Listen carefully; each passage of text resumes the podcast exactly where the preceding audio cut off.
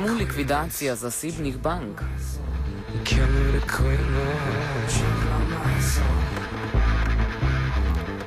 V državnem zboru se pravkar zaključuje izredna seja, ki jo je zahtevala opozicijska slovenska demokratska stranka, ki meni, da mora javnost izvedeti, kdo so depozitorji v Probanki in Faktor banki, predvsem tisti z depoziti višjimi od 100 tisoč evrov.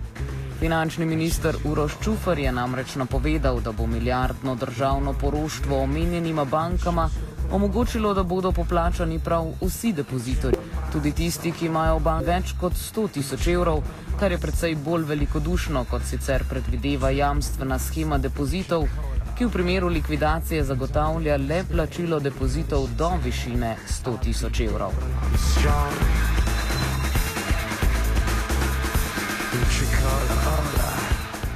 Desnica meni, da ni eksces le to, ampak že sam načrt likvidacije. Po njihovem mnenju bi bil veliko bolj smotoren stečaj in konec bančnega socializma, kot je to poimenoval neoliberalni ekonomist Bernard Brščič. Nekdani guverner Banke Slovenija in zdajšnji direktor Združenja Bank Slovenije, France Arhar, nam je pojasnil razliko med stečajem in likvidacijo. Generalna razlika kjerkoli v svetu, govoriš o stečaju, pa o likvidaciji naslednja. Ne? Da pri likvidaciji upniki dobijo vse, ne? če kaj ostane za lastnike, je kvestijo fakti. Ne? Pri stečaju pa upniki ne dobijo vse, ker je stečajna masa premajhna, zato je šlo tudi stečaj, ker je firma nesolventna. Ne? Tako da tam itak lastniki izgubijo vse. Ne? Izgubijo pa še upniki.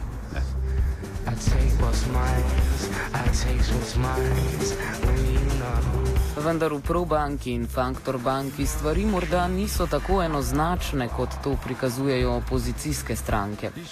Velik delež depozitov naj bi imela država in nekatere slovenske občine, poleg ostalih. Nekdani član uprave Agencije za upravljanje s kapitalskimi naložbami Marko Golop je sam opazil marsikatero pomankljivost, ko je zasedel ta položaj. Mislim, ne samo država, veste, mi morate gledati, da so noter tudi druge inštitucije, ki velja za vse banke. Veste, banke si med sebojno posojajo. In ponovadi je ta delež skupnih posojil bank relativno velik, pri nas je izjemno majhen izjemno majhen. Ampak kljub temu je v tem primeru to za stotine milijonov evrov. Ne? In tudi v luči tega ne, potem presoja in ministrstvo in, in, uh, in Banka Slovenije, ne, v kakšen ukrep uh, bo podala. Torej se pravi, je zelo težko reči. Lahko se gremo, najbolj smo vsi radikalni, ampak škoda bo pa desetkrat večja. Veste, to je zelo težko reči. Ne, recimo, pri tak primer je propad banke Lehman Brothers. Res je bil balon, ampak ni vse, kako ta balon, a ga kontrolirano spustiš ali ga z budsko počeš, ne, da, da, da eksplodira. So mislili, da bo stvar relativno enostavna, potem so pa na koncu z zadnjimi silami rešili svet, da se ni svetovni finančni sistem sesul.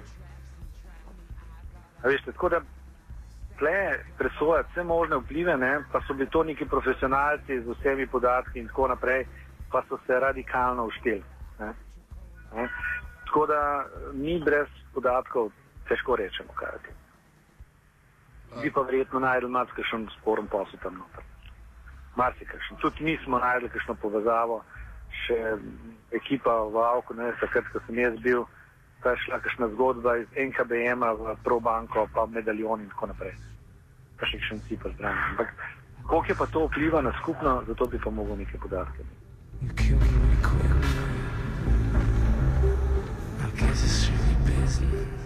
Marka Kržana iz Inicijative za demokratični socializem smo vprašali, koga rešujemo davkoplačevalci s tem, ko likvidiramo obe zasebni banki.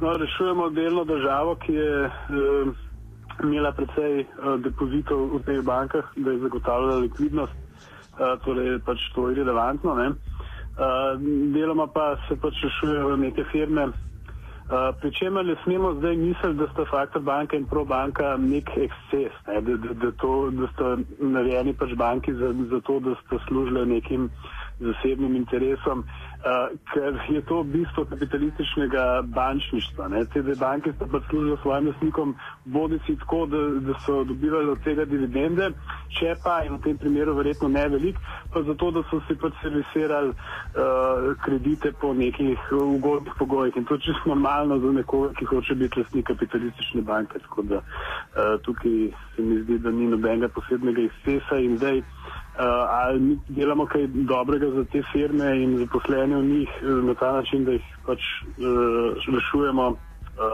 z temi jamstvi, bo pač pokazal čas. Ne? In odgovorili so pa seveda tisti ljudje, ki so zdaj to odločitev sprejeli. To pomeni guverner Banke Slovenije pa finančno ministrstvo.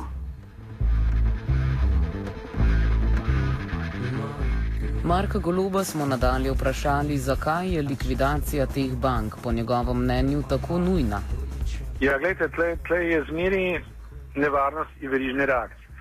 Kakšna bi bila reakcija, kakšna bi bila reakcija uh, depozitarjev? To je prva zgodba. Ne? Kakšen bi bil bumerang na banke, ki so tam refinancirale zgodbe? Kaj se dogaja z podjetji, ki bi se mogle? Veste, tudi pri nas je tako, da če bi imeli stečajni zakon, ki bi omogočil neko hitro ukrepanje, bi bila ta stvar in mogoče celo zelo rešljivo, ampak pa nas tečaj traja neskončno dolgo. Veste, recimo imate primer uh, v Ameriki, ne? recimo General Motors, ki gre recimo prisilno poravnavo, ne? pa se to zgodi za firmo z 140 milijardami dolarjev letnega prometa v enem 40 dneh. Mačka, ne? Pa nas bi trajalo pa minimalno 4 leta. Ne? In tudi vprašanje, kaj lahko, kakšni ukrepi so tu na voljo. To je tudi cel kup drugih špekulacij, veste stečaj prepreči zastaranje določenih zadev, ne? recimo uh, likvidacija pa ne. veste, lahko bi bila tudi ta zgodba. Ne? Ampak ali je resnična ali ne, ne, to vam pa jaz imam premalo podatkov, da vam zdaj povem. To je stočnica za neko drugo teorijo zarote. Ne? A si upate komentirati te spekulacije, da je tole neke sorte vaja za uh, kasnejšo pač likvidacijo A-banke? Ne, bi pa mislim, če bi nekdo šel v likvidacijo A banke, je pa po mojem norost. Norost. Res. Ker mislim, da stvar ni tako, mislim, da je dokapitalizacija neprimerno, neprimerno cenejša in ustreznejša. To bi, to, to bi, kakor bi slona v, v trgovino iz porcelanskosti. A banka je malce marsikateri stvari ni bila tako slaba banka. No, jaz sem z njimi dolg čas delal, dobila cel kup dolgo časa v določenih področjih, najboljša banka v Sloveniji. In to razsutne, to bi bilo bedarijano v pozornosti. Druga stvar je, da nekdo dokapitalizira, pa recimo združi z Gorinsko banko ali pa mogoče še s Kerone, to bi verjetno imel smisel. Uh, da bi pa likvidiral, pa dvomam, dvomam, da zelo skeptičen.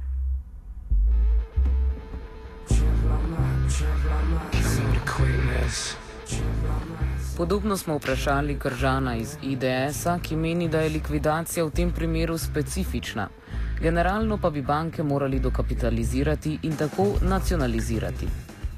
No, naše splošno mnenje je to, ne, da se bank ne sme reševati na ta način, da bi se subvencionirali zasebne lastnike. Uh, Zato, če že ne, smo zato pri perspektivnih bankah, da se banka dokapitalizira in s tem nacionalizira. Um, in pri tem morajo sodelovati, uh, kolikor se le da, pač lastniki uh, do, do zdajšnji, ne, take banke. Problem teh dveh bank je to, ne, da očitno nimata dolgoročne perspektive, to pomeni, da jih nima smisla nacionalizirati, zato je po svoje prav, da gre se v likvidacijo. Vprašanje pa je, ne, če je to jamčenje vseh vlog smiselno uh, in če ne bo draže kot pač to, da bi, da bi zajamčili samo ostale vloge in banke pač uh, bi šli na vadni stečaj. Ne? Ker ne vas spomnim, da v primeru Cipra ne, se je kar predpostavljalo, da vsi, ki imajo prihranke nad 100 tisoč, so nekakšni ruski kriminalci. Ne? pri nas pa so očitno tisti, ki imajo prihranke nad tisoč podjetij, ki jih je treba pač uh, negovati in zaščititi. Ne? Tako da tukaj je seveda kup vprašanj. Sogovorce smo vprašali po obstoječih alternativah trenutni bančni ureditvi. Predvsem predloge, ki jih je podalo poročilo guvernerja Finske centralne banke Erkija Likanena. Evropski bančni sistem pozna tako imenovane univerzalne banke, ki so lahko hkrati komercialne in investicijske. Odgovarja Marko Golo. Lahko da ne. Američani so mi dali, uh, kaj že bil, Siegel Act, ne? Kjer je že bil, kjer so dolga, dolga leta ločevali investicijsko pa, pa komercialno bančništvo. Uh, in to je za časa Clintona bilo odpravljeno. Uh, jasno je to neke vrste incest, velik. Ne? In tudi v Evropi prihaja do tega. Ne? Problem pa je, da to ni bil razlog za polom slovenskih bank. Absolutno ne. ne ker slovenske banke so imele tega zelo, zelo malo.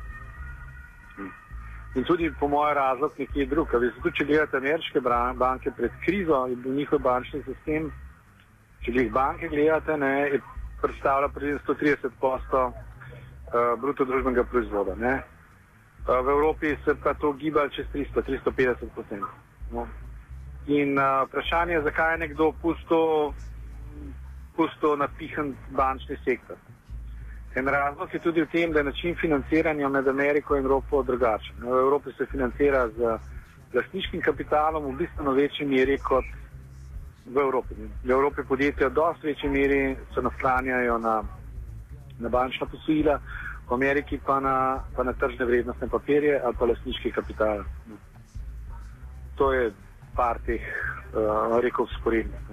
V Evropi sigurno je bil to en velik problem Sloveniji pa sigurno ni.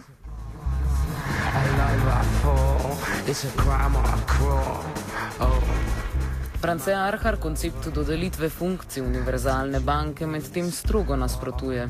In univerzalna banka praktično skladno za licenco, ki jo pridobil Banki Slovenije, ne, lahko dela vse posle. E, to pomeni tudi borzne posle. Medtem takrat, eh, ko so Amerikanci v jeku svetovne krize 1933 sprejeli to, ne, so dejansko odločili investicijsko bančništvo od komercialnega. Ne. In zato imate vi danes situacijo, še vedno v Ameriki, da je financiranje ameriških bank, gospodarstva zelo majhno, zelo majhen delež imajo ne, pri tem. Namreč samo četrtino trga imajo. Ne. Vi veste, tukaj v Evropi je od 70 do 80 odstotkov bank upravljajo posla pri financiranju. In to, če vi gledate, potem kakšne so bilance bank, namreč eh, na eni strani eh, ameriških, kakšna je njihova vrednost. Recimo podatki za lansko leto kažejo, da je bilo v Evropi da je bila bilančna vsota vse premoženje bank 46 bilijonov evrov, v Ameriki pa slabih 9 bilijonov, na japonskem 7 bilijonov. Ne. To pomeni, da v Ameriki velike korporacije imajo svoje rejtinge, jih sploh banke ne financirajo, ampak nastopajo direktno na kapitalskem trgu z razpisom obveznice. Medtem ko pa v Evropi ker ima drugačno strukturo tržnih udeležencev, namreč eh, eh, pač po velikosti, mala in srednja podjetja so večini, ne, je pa že po tej logiki logično, da za majhne, za srednje zneske se ne izplača iti na, kap, na kapitalski trg. To je eno dejstvo. Drugo dejstvo je, da tisti, ki tja prihaja, morajo imeti rejting od teh treh znanih agencij, ena ali druga ali pa tretja, se veste. Ne. In zopet ta postopek ni posebni, je draka. Ne. Tako da je dejansko to izjema, namreč eh, eh, to vrstno zadolževanje v Evropi preko kapitalskega trga. Ne. In eh, zdaj eh, Evropa je zdaj v diskusiji, kakšno banko naj bi bodoče imela Ne vem, če ste slišali za Likanenovo poročilo, to je finski guverner, ki je naredil poročilo o analizi Evropskega bančnega sistema po nalogu Evropske komisije. In eh, na podlagi tega poročila eh, naj bi bodoča banka, generični pojem v Evropi, ne, se ukvarjala samo z zbiranjem depozitov in dajanjem kreditov na bančnemu sektorju. Ne. E, na drugi strani pa naj bi vse ostalo premoženje, ki je za trgovanje, praktično na kapitalskem trgu, ne, prenesla v samostojno pravno osebo. Po logiki, da na ta način bi bila banka minno rizična. Ne. Ker zdaj kriza je pokazala, kriza je najprej udarila v tistih državah in tiste banke, ne, kjer so imeli v svojem premoženju ogromno vrednostnih papirjev, delnic, obveznic in tako naprej. Ne. In kot vidite, šele potem je kriza prišla do kreditov. Ne. Tako da ta diskusija, gledajte, zdaj v Evropi ni končana.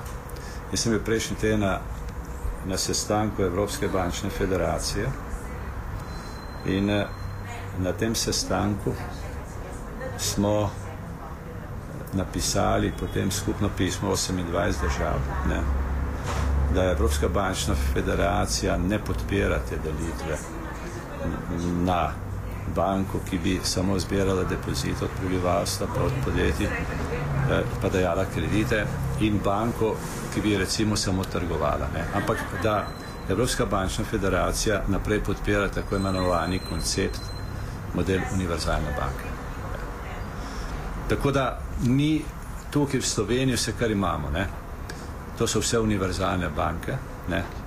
In uh, zdaj, če so trgovale, prosim, ne? ker ta možnost je, ker vsaka banka lahko ima tudi borzni oddelek, kot veste, ne? v okviru iste pravne osebe. Uh, ampak, kot rečeno, vse to izhaja tudi potem iz licence, ne, ki ti jo da centralna banka. Ne. Ker zakon o bančništvu našteva te različne posle, ne, ki jih ti lahko praviš, ampak moraš dobiti od njih soglasje, od Banke Slovenije.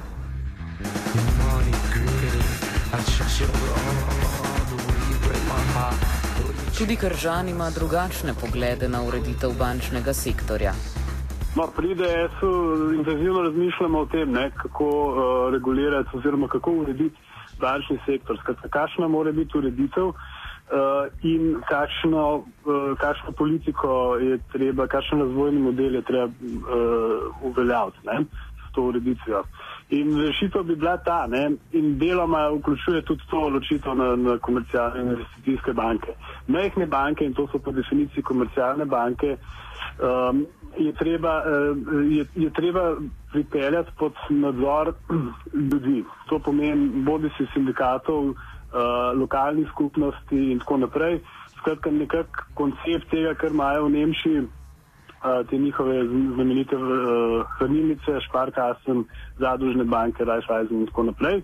In uh, te se ukvarjajo s tem drobnim, te bi se ukvarjali s tem drobnim bančništvom in ta nadzor Eh, ki ga vršijo te njihovi lastniki, bi načeloma moral biti dovolj. Plus imajo tudi zaradi velikosti take omejitve, da se načeloma ne morejo niti spuščati v neke preveč tvegane zgodbe. Um, pri nas je seveda velika vera za to uh, prisotnost tujih podružnic, ki držijo ta, ta tržni segment. Ne? Tukaj je zdaj vprašanje, kako se s tem boriti. Po drugi strani, to, kar če me pravijo ne, uh, investicijsko bančništvo, to so pa pač večje banke, je pa treba brez izjeme nacionalizirati, ampak ni dovolj nacionalizirati, ne, ker to mi v bistvu že nekaj čim imamo, ne, v največjih bankah, ampak uh, jih je treba tudi postaviti pod nadzor uh, delovnih ljudi in poskrbeti, da delajo v njihovem interesu. To pa konkretno pomeni, da banke in državni skladi zagotavljajo kapital za investicije, bodi si lasniški, bodi si banke pač običajno dolžniški uh, kapital, torej posojila profiti, ki se s tem ustvarjajo, morajo postati last eh, družbe, z njim morajo razpolagati eh, preko svojih predstavnikov, zastopnikov, delovni ljudje, eh, ne pa seveda, da grejo eh, kot dividende nekim delničarjem in eh, kot eh, visoke plače eh, managementu. Ne. Tukaj imamo pa mi mogoče to prednost, da, si mi nimamo teh malih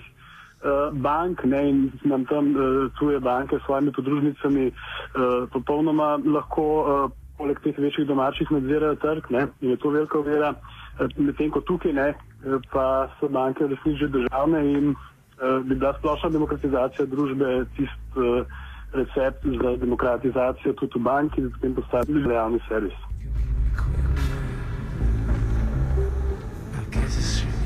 Kržano smo za konec vprašali še, kaj v splošnem menijo o reševanju krize, kot se lotevamo tako pri nas kot po svetu. No, seveda lahko potegnemo, da je pač razredna narava te krize, pa tega, kako jo rešujemo, ali pa kako jo rešujejo v našem imenu, izrazito jasna. Ne? Delovni ljudje v najširšem smislu plačujejo vso težo krize z svojo brezposobnostjo, revščino, brezperspektivnostjo. Eh, medtem ko seveda premožni razredi in premožnejše države bogatijo. To je jasno. Eh, Meni je pa jasno, kje je tista družbena sila, ki bi lahko prekinila s to logiko, ker prekinjanje s to logiko seveda pomeni to, da, da se začne resno razmišljati o odpisu državnega dolga in o vse splošni nacionalizaciji v gospodarstvu, pa ne samo pri nas.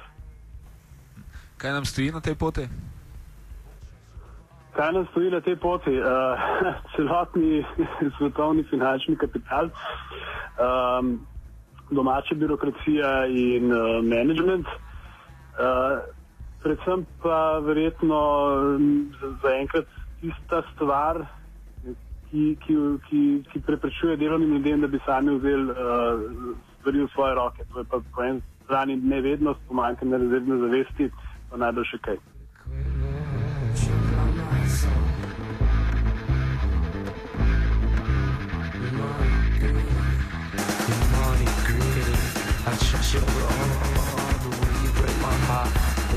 Kultiviral je Luka Tetičkovič.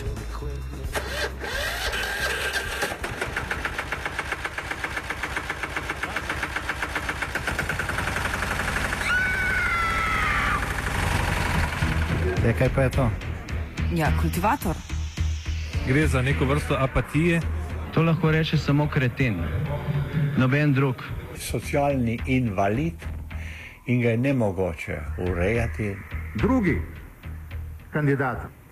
Pa, pa pije, kadi, masturbira, vse kako ti lahko reče. Nihče tega ne ve. Vsak petek skultiviramo dogodek tedna. Lahko po kriterijih radio študent, težko pa po evropskih kriterijih. Ampak na drug način, kot vi to mislite. Kultivator vedno užge. Da pač nekdo sploh omenja probleme, ki so, in da pravzaprav sploh nekdo sproži dogajanje uh, v družbi. To drži, drži.